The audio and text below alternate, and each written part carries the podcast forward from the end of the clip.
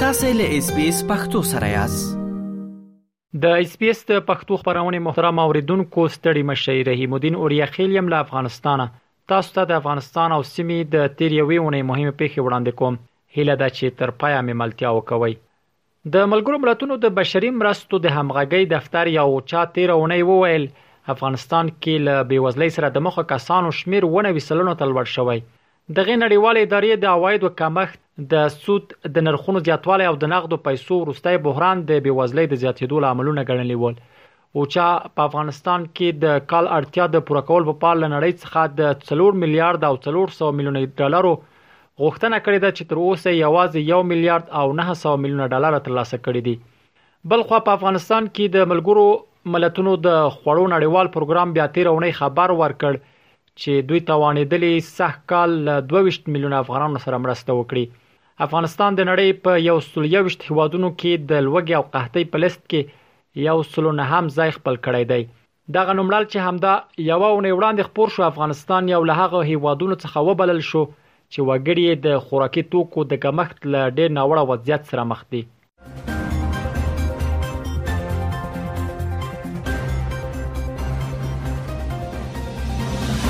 جرمني د کډوالۍ د یوه نوي پروګرام له لارې اووه دېرش زره افغانان د. هیواد ته لیږدوي د افغانانو لپاره د جرمني د کډوالۍ دغه نوی پروګرام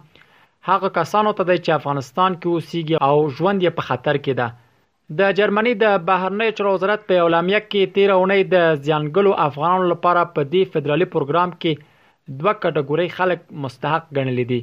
لومړی هغه کسان چې په خوا یادلی او قضایي برخو او رسنۍ سره کار کوي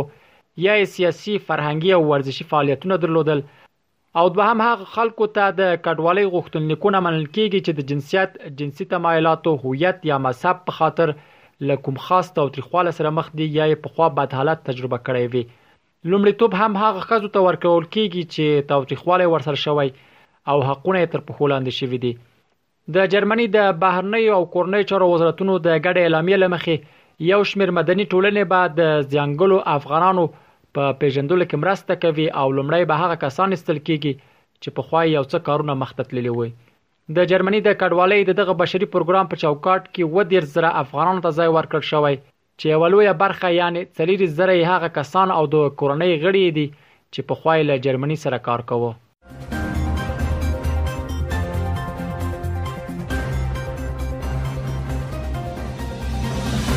د سیمې او نړۍ اوویشت هیوادونو تېره اونۍ په یوې ګډې اعلامیه کې له طالبانو وغوښتل چې د نجونو متوسطه ښوونځي پرانیزي په افغانستان کې د ښځو د ملګرو ډلې د اکتوبر په 19مه په یو اعلامیه کې په افغانستان کې د اساسي حقوقو د نه درناوي زیاتوالي ترڅنګ د ښځو او نجونو د تحصیل پر وړاندې د طالبانو حکومت د محدودیتونو په اړه ژور اندېښنه وښوده د ډلې په خپل اعلامیه کې ټینګار کړی وو چې د نجونو پر زده کړو د طالبانو حکومت محدودیت د اکثریت خلکو غوښتنه نه ده او په خبره یې افغانستان به په نړۍ کې یوازینی هیواد وي چې نجونې یې له متوسطه زده کړو بې برخې دي په یاد اعلامیه کې همدارز ویل شوی ول چې د نجونو او ښځو زده کړو پر وړاندې محدودیتونه د افغانستان د راتلونکي په اړه له دغه هیواد سره د اقتصادي مرستو مخه نیسي دا په داسې حال کې ده چې پر افغانستان د طالبانو د حاکمیت یو کال په تېرېدو په دغه هیواد کې تر امر ثاني د نجونو پر مخ تر شپږم پورته ټولګي بند شوي چې په کور دننه او بهر یې پراخ غبرګونونه پارولي دي. خو دا په داسې حال کې ده چې د طالبانو حکومت ویاند ذبیح الله مجاهد بیا همدا تېره اونۍ ترکیه کې د دیني علماوو یوې ناستې ته په وینا کې وویل چې حکومت یې د نجونو زده کړو ته ژمن دی، خو دا یې هلته روښانه نه کړه چې دغه ښوونځۍ به کله پرانیستل شي.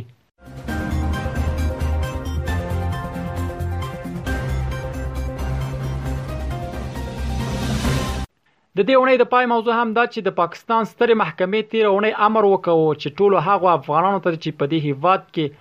د کډوالو لمایند او پلرونه زیږیدلی او د زیږیدو سند ولري پاکستاني تابعیت ورکړل شي د جرمني د ډي پي آی خبري اژانس د راپور پر اساس د پاکستان د ستر محکمې رئیس دغه حکم وروسته له هغه ورکړی چې د یو څلوریشت کلن افغان د پاکستاني طبیعت لپاره د موکل غوښتنلیک منلی وو ځینې رسنیو د دغه افغان وګړي نوم فضل حق خودلی او مدافع وکیل یې ویلی وو چې هغه 24 کاله په پاکستان کې پرته لدې چې د هغه هیواد تابعیت ولري ژوند کړی دی د اسلام آباد د ستر محکمې رئیس وویل د پاکستان قانون هر هغه ماشوم ته چې په دې هیواد کې زیږیدلی وي د پاکستان د تابعیت اخیستو اجازه ورکوي هغه د کورنۍ چارو وزارت ته امر کړی چې دغه قضیه د راتلونکي اونۍ د جمعې پورې بشپړه او د خپل اجرات راپور ورته ورکړي د ملګرو ملتونو د کډوالو د ادارې د معلوماتو لمخې په اوس وخت کې پاکستان کې شاوخوا دوه میلیونه او اته سوه زره افغان کډوال ژوند کوي چې ډېری یې لسیزې وخت په دې هیواد کې تیر کړی دی. د دغو افغانانو یو نیم میلیون یې راجستر شوي او یو میلیون او درې سوه زره نور یې ناراجستر شوي چې غیر قانوني کډوال دي. خو دا چې څومره افغانان به په تیرو څه باندې څلورو لسیزو کې چې پر پاکستان افغان کډوال ولمات شوي په هغه هیواد کې زیږیدلي وي دقیق شمیر یې نشته خو د کډوالۍ دغه اوږد بهیر ته په کتو ښایي شمیر یې سلګونو زره کسانو ته ورسیږي.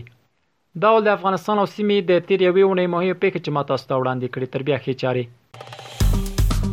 که غواړئ دغه سنوري کیسې هم او رینو د خپل پودکاسټ ګوګل پودکاسټ یا هم د خپل خاكي پر پودکاسټ یو اورئ